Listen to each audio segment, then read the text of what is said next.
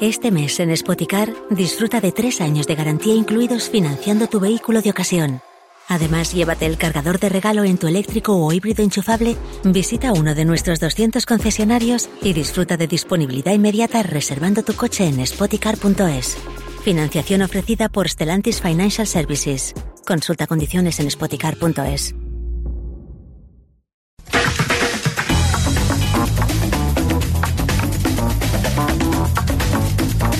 Eh, parlem d'aquelles notícies que jo avui, sincerament, l'he llegit, m'ha fet molta il·lusió, ara micròfon tancat, l'estàvem valorant i l'estàvem matitzant. Els casos de càncer de mama, els més comuns en dones, continuen funcionant, eh, continuen augmentant arreu del món. Afortunadament, aquesta setmana hem conegut que un grup d'investigadors de la Universitat de Florida i de la Universitat Nacional Yang Ming Chiao Tung de Taiwan han desenvolupat conjuntament un nou sistema que podria arribar a salvar milers de vides. Aquí posem el condicional, el primer d'ells. Amb una gota de saliva, un test portàtil i tan sols 5 segons de rellotge, aquest dispositiu, que només costa 5 euros, pot o podria detectar biomarcadors de càncer de mama. Aquesta és una de les notícies que avui volem comentar amb el periodista de La Vanguardia, especialitzat en ciència i salut, Josep Corbella. Josep, bona tarda. Molt bona tarda. Gràcies per acompanyar-nos. Uh, de veritat, o sigui, quan llegeixo aquestes notícies penso, són de les notícies que hem de comentar a la ràdio. Perquè si no, llavors passen aquelles coses de tot el dia esteu amb desgràcies sí. i, evidentment, ja sabem que el càncer afecta moltíssima gent. M'ha semblat fàcil, ràpid i econòmic. Les conclusions d'aquesta investigació conjunta es publiquen a la revista Journal of Vacuum Science and Technology V, eh, on s'explica quin és aquest sistema que ha dissenyat aquest equip eh, científic. Què ens en pots dir i quin grau d'optimisme li poses a aquesta notícia? Mira, comencem pel titular. Això no servirà per diagnosticar el càncer de mama. És, efectivament, ràpid, és barat, és còmode, però no és fiable. Ara, dit això, això s'emmarca en una línia de recerca que és molt important, que consisteix en intentar detectar el càncer sense necessitat de anar-lo a buscar a l'òrgan on s'origina, el que se'n diu la biòpsia líquida, eh, que consisteix en intentar trobar biomarcadors en sang, o en aquest cas en saliva, que et digui si una persona té algun tipus de càncer i quin tipus de càncer té.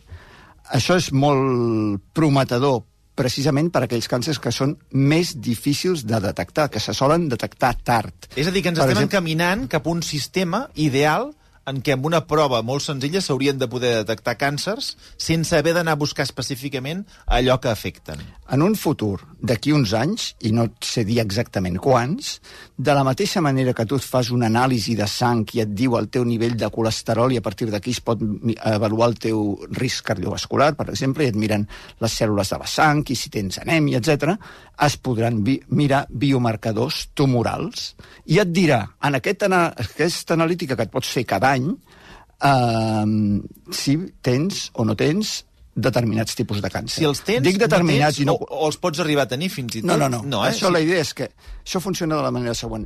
Una persona, al moment que desenvolupa un càncer, eh, ce- el tumor deixa anar residus eh, que acaben al torrent sanguini, acaben a la sang. Aquests residus són, eh, bàsicament el que es busca són fragments d'ADN que procedeixen de les cèl·lules tumorals. I aquest ADN, si tu l'identifiques, eh, pots saber que procedeix d'un càncer. Això és el que s'està buscant. I això té eh, dues aplicacions. Una és detectar precoçment, que és del que estàvem parlant, per exemple, si una, en, el moment actual el càncer de pàncreas, per posar un exemple, sol diagnosticar tard, tard, i per tant en un moment en què les perspectives de eh, èxit del tractament, de, de, el pronòstic no és tan bo com si es diagnostiqués abans i Clar. fos. Val. Uh, per tant, la detecció precoç. L'altra utilitat de la biòpsia líquida, sigui amb sang o amb saliva, um, és una persona que està fent tractament veure si respon a aquest tractament. De manera molt més ràpida que no si t'has d'esperar uns mesos a fer-li una prova d'imatge per veure si el volum del tumor s'ha reduït. Aquesta és l'aplicació primera que arribarà de la biòpsia líquida, però en qualsevol cas, tornem a la part del, de la, del diagnòstic precoç, de la detecció precoç. Ara mateix, per una anàlisi de sang, hi ha molts càncers que es puguin detectar? No, ara No. A, a dia d'avui Sí. encara no. A nivell experimental sí que hi ha eh, alguns testos que ho, que ho estan mirant, um, però ja et dic, a nivell experimental. A nivell de recerca sí que s'està treballant en aquesta línia es, i comença a haver-hi alguns resultats. A nivell de que una persona vagi a un laboratori d'anàlisis clíniques i li detectin un càncer, això a dia d'avui no. No. I en qualsevol cas, sí que ja, per exemple, es detecta, per, dono un incís, el PSA, que és l'antigen prostàtic, que et pot indicar, si el tens molt elevat, que és un dels possibles indicis de càncer de mama, de pròstata. De pròstata. perdona. Això és Però en el que a mi m'havien dit. És Però a en dir- aquest cas sempre et fa falta la confirmació posterior amb una prova en l'òrgan afectat. Per tant, fins ara Però tenim... a dia d'avui tenim encara no un, és una un indicador que ens pot fer sospitar, però que demana d'una confirmació posterior. Sí, sí, això en principi sempre serà així, però en qualsevol cas, a dia d'avui això encara no està. I això tindrà sentit per a aquells càncers que són més difícils de detec- detectar de manera precoç. No és el cas del càncer de mama, que és aquest en el qual se centra aquesta recerca de, la notícia d'aquesta setmana. Uh, perquè amb càncer de mama ja hi ha eines de diagnòstic precoç que són uh, fiables i que són eficaces i que estan a l'abast de moltes persones. No estan a l'abast de persones de tot el món. Ja. I si, per exemple, sigui, disposar d'un test molt fàcil eh, i ràpid i còmode seria útil a països que no tenen accessos a mamografies, per exemple. Però, però no estem... Però, en fi, això, això era un altre incís. Mm -hmm. Aleshores, aquesta investigació concreta, què han fet? Han agafat eh, saliva de 17 persones que tenien càncer de mama i de 4 que no en tenien i han mirat dues proteïnes específiques. Aquestes dues proteïnes que han mirat, n'hi ha una que es diu HER2, que està alterada en un 20% dels càncers de mama, i una altra que és la CA15-3, que això és una mm, proteïna que a mida que el càncer progressa eh, s'incrementa però que als estadis inicials no està alta. I en tot cas no està a tots els càncers de mama. Per tant, amb aquest test eh, no detectaries tots els càncers de mama. El que vols quan fas una prova de diagnòstic precoç és no tenir falsos negatius, no tenir casos que real, realment són de càncer i no els trobes. Per tant, no seria útil per, com a prova de diagnòstic precoç. A més a més, eh, o sigui, han trobat allò que anaven a buscar. O sigui, ja sabien abans de començar quines pacients tenien càncer de mama i quines no. Uh, la demostració que una prova és útil uh, consisteix a fer-la a cegues. Yeah. En saber, si- tu, tu d'entrada no saps quin té i qui no en té, i ho busques. I si realment ho trobes i es confirma després en mamografia, vol dir que la prova és eficaç. En aquest cas, en total només 21 persones, cap metge a la investigació, aquesta és una recerca que l'han fet especialistes en electrònica i enginyeria elèctrica, per tant, el que estaven provant era un dispositiu, i és un tipus de recerca que té sentit fer-la perquè t'està dient que conceptualment és possible trobar marcadors en saliva. I això de cara a futur és interessant. Ja m'has dit abans Ara, que no saps eh, o no pots dir-me en quin futur, no? Mira, uh, com arriba la saliva? I arriba a través de la sang, tret que sigui un càncer localitzat a la cavitat bucal. Per tant, la manera... Eh, el primer lloc on es trobaria seria la sang. Eh, si tu vas a buscar un lloc que hi va després, el, les probabilitats que la prova sigui eficaç són més baixes. Uh, té l'avantatge de la comoditat, però té l'inconvenient de la menor fiabilitat. Per tant, uh, proves de diagnòstic en saliva, de diagnòstic de càncer en saliva, penso que queda més lluny encara que la prova de diagnòstic en sang. Déu-n'hi-do. I una- doncs, i una última digues, cosa. digues, no, no. Uh, difícilment hi haurà una prova de diagnòstic precoç per tots els càncers, perquè cada un d'aquests, cada, cada tumor té la seva especificitat, té les seves proteïnes eh, eh, concretes o les seves alteracions Vols dir d'ADN. que el, el test d'antígens aquests que tenim per saliva potser n'hi haurà d'haver mm, de diferents, per diferents tipus de càncer. anem a la sang, que és el que arribarà Ja. primer, um, probablement n'hi haurà un, un dia per càncer de pàncreas, però yeah. aquest no et dirà si és, tens un càncer de pulmó, n'hi haurà un altre per càncer de pulmó i, hauran de ser complementaris o, o un mateix que miri diferents coses alhora perquè per detectar cada tipus de tumor has de trobar coses que són diferents, perquè els tumors són diferents entre ells. Doncs eh, aquesta és la realitat d'una notícia que avui i aquesta setmana ha estat àmpliament explicada als mitjans de comunicació. Ganes de donar bones notícies en tenim? Um, però bueno, jo crec que tampoc no és una mala notícia. És a dir, No, és una recerca és que una que recerca està bé. i que apunta al futur, segons ens estàs explicant. però que no tindrà transcendència immediata per la vida de les persones. Senyor Marcelí, canviem radicalment d'història. Avui dijous és el dia previst perquè l'Odisseu, la primera missió privada que ha d'arribar a la superfície de lunar, s'enlairi amb èxit rum al primer allunatge dels Estats Units en més de 50 anys. No, no, ja s'ha enlairat. Eh? Ah, ja s'ha enlairat? Sí, aquest matí. Perfecte, doncs ja la tenim en òrbita. Ja seran els primers que arribin a la Lluna. La, la nau estadounidenca aterrarà a la Lluna per primer cop després de mig segle. El mòdul privat, construït per l'empresa Intuitive Machines, s'ha pogut llançar aquesta matinada, eh, crec que a través d'un Falcon X, eh, no? Un Falcon 9, 9 de, nou SpaceX, de SpaceX. de SpaceX Sí. com, eh, com estava previst. En aquest cas, Però cap un- contratemps. un robot. Ara explicarem què envien. Què envien? Una sonda que té, bàsicament, és una mena de cilindre vertical, més que un cilindre, és un hexàgon, eh, que té uns 4 metres d'alçada i un metre, de, un metre i mig d'amplada. I aquest hexàgon aterrarà, si tot va bé, el dia 22, d'aquí una setmana, a, molt a prop del pol sud de la Lluna, eh, On hi ha aigua, em diuen que hi ha aigua allí. Eh, en aquella zona hi ha aigua gelada, dipòsits d'aigua gelada, que per això eh, és una zona que hi ha tant interès en explorar-la. Però és que em Serà portin la- cap aquí, perquè... Eh, I si ho aconsegueix serà la primera nau dels Estats Units que aterra al pol sud de la Lluna, la primera nau dels Estats Units que arriba a la Lluna des del 1972. En aquest cas és una nau no tripulada, és una sonda, porta diversos instruments científics i també seria la primera nau privada que arriba a la Lluna. Què, què hi anem a fer ara? Què hi anem a buscar? Això forma part d'un programa d'exploració lunar que és molt més que aquesta missió, que té com a objectiu últim eh, el retorn d'astronautes a la Lluna i la, Home. i la presència permanent o quasi permanent, la, la presència d'una base lunar, com hi ha bases a l'Antàrtida, on hi ha científics que Si hi van... anem a un- plantar la un- bandera. Les banderes, Les perquè banderes. hi ha més d'un país interessat en arribar-hi. Val, val. Bueno, finalment arribarà algú a la Lluna. Sí, finalment sí, finalment. Esclar, sí, tants finalment, anys dient final- mentides. Tants anys inventant-nos. Bona i màgica tarda. Home, el que faltava. Parla Sebastià, bona tarda. Sebastià Darbó, Sí. el pionero. Sí. La veritat és que estic sorprès de lo catetos que sou, perquè és que us ho creieu tot. A veure, Qualsevol quin és el problema ara? Bueno, qualsevol persona informada sap que l'arribada a la Lluna va ser una farsa, filmada per Stanley Kubrick, a un plató, que això el senyor Marcelí també...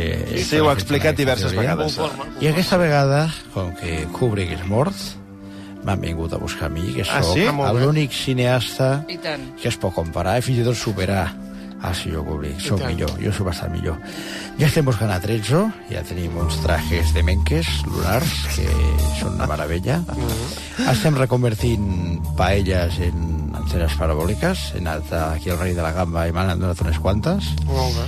Tenim una rumba que farà de robot explorador i, bueno, ho rodarem al Pantà de Sau, Ah, que ben que és pensat. un paisatge lunar Clar, ara mateix. clar, clar. Fantàstic. I el campanar l'embolicarem amb paper de plata i serà el coet espacial. Molt bé. L'únic que haurem de vigilar perquè coli aquesta farsa és que no hi hagi interferències.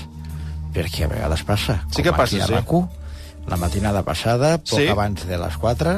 Aquesta matinada passada, Aquesta sí. matinada no ho heu sentit? No? S'estava fent la repetició d'aquest programa i en el moment en el que parlava Ernesto de Keister hi han hagut interferències... Aquesta matinada? Aquesta matinada a les 4. I qui no s'ho cregui, que ho recuperi a la carta. Ha passat això. donde decía que Puigdemont era más fiable que Pedro Sánchez, que Puigdemont no engañaba, eh, recordaremos eso, Sí. eh, indicaban claramente que ellos eh, Probando, no tenían, probando, no- no probando, dejaban micro de dos, tener, dos, micro eh, dos, ciertas probando. ¿eh? Eh, te llega bien de nivel, eh, sin ruido, limpio, perfecto. Contactos, eh, y en el caso de las declaraciones de González Pons son llamativas porque eh, la firma con rotundidad de que no tiene ninguna duda de la lealtad. Ganancia, ruidos, carácter, eh, cero, bien, bien, eh, bien, leal bien, bien. de- Probando, de probando, micro, micro Teniendo en tres. cuenta que estamos Tres. hablando de, Sí, sí, sí. de Puigdemont y, y de su responsabilidad según el PP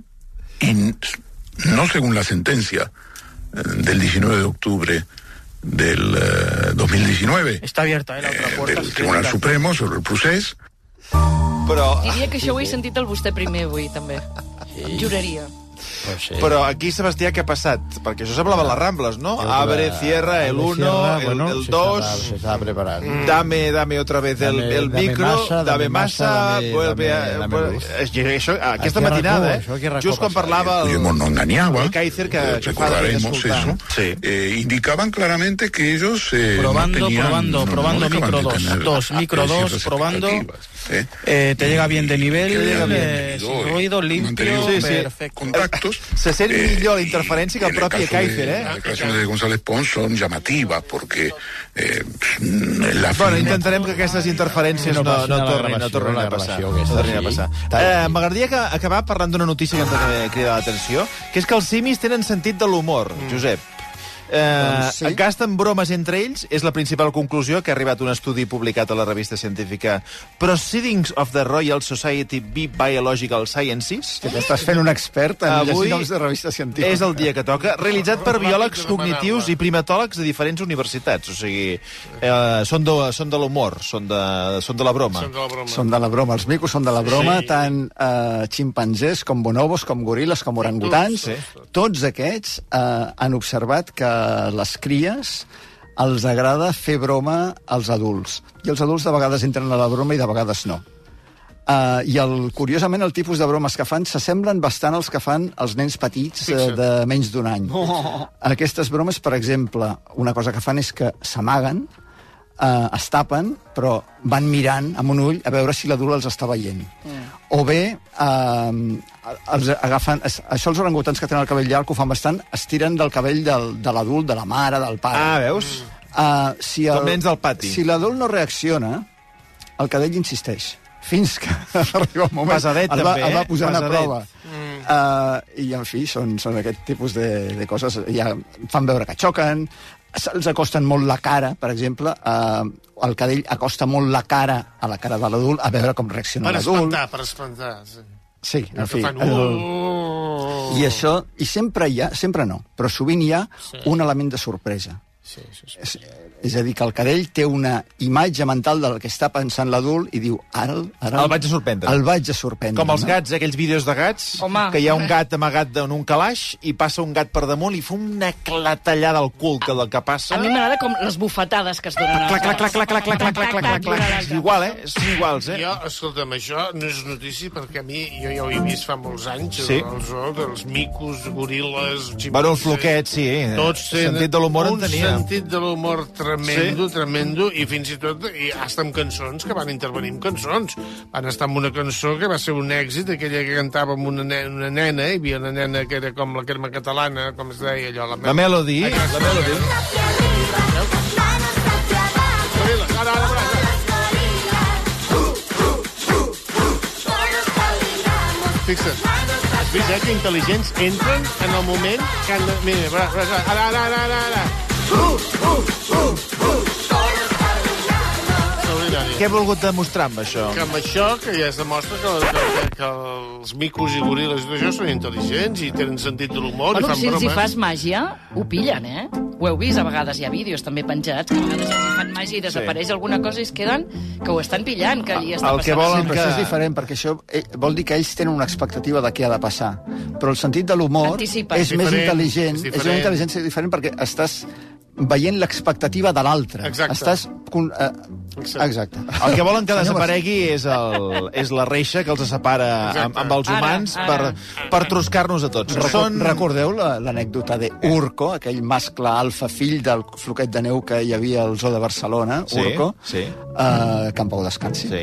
Hi va haver una vegada, farà uns 20 anys o així, una roda de premsa al zoo de Barcelona, Uh, hi havia l'alcalde, Eh. eh. la persona que era alcalde en aquell moment, amb tot el seu sèquit, i Urco va detectar que aquell alcalde devia ser el mascle alfa del, del sèquit humà Sí. i no se li va acudir res més que agafar una muntanya de tifa, de la seva pròpia tifes, tifa, sí, sí. i llançar-la com un projectil contra l'alcalde. Home, i això em recorda... Era Joan Tolós en aquell moment, que va quedar... Lluís Permanyer, sí. l'anècdota de Tarzan. No, és No igual. cal que l'expliqui. igual, és igual. Les 5 i un minut. Gràcies, Josep. A vosaltres. No cal, no cal.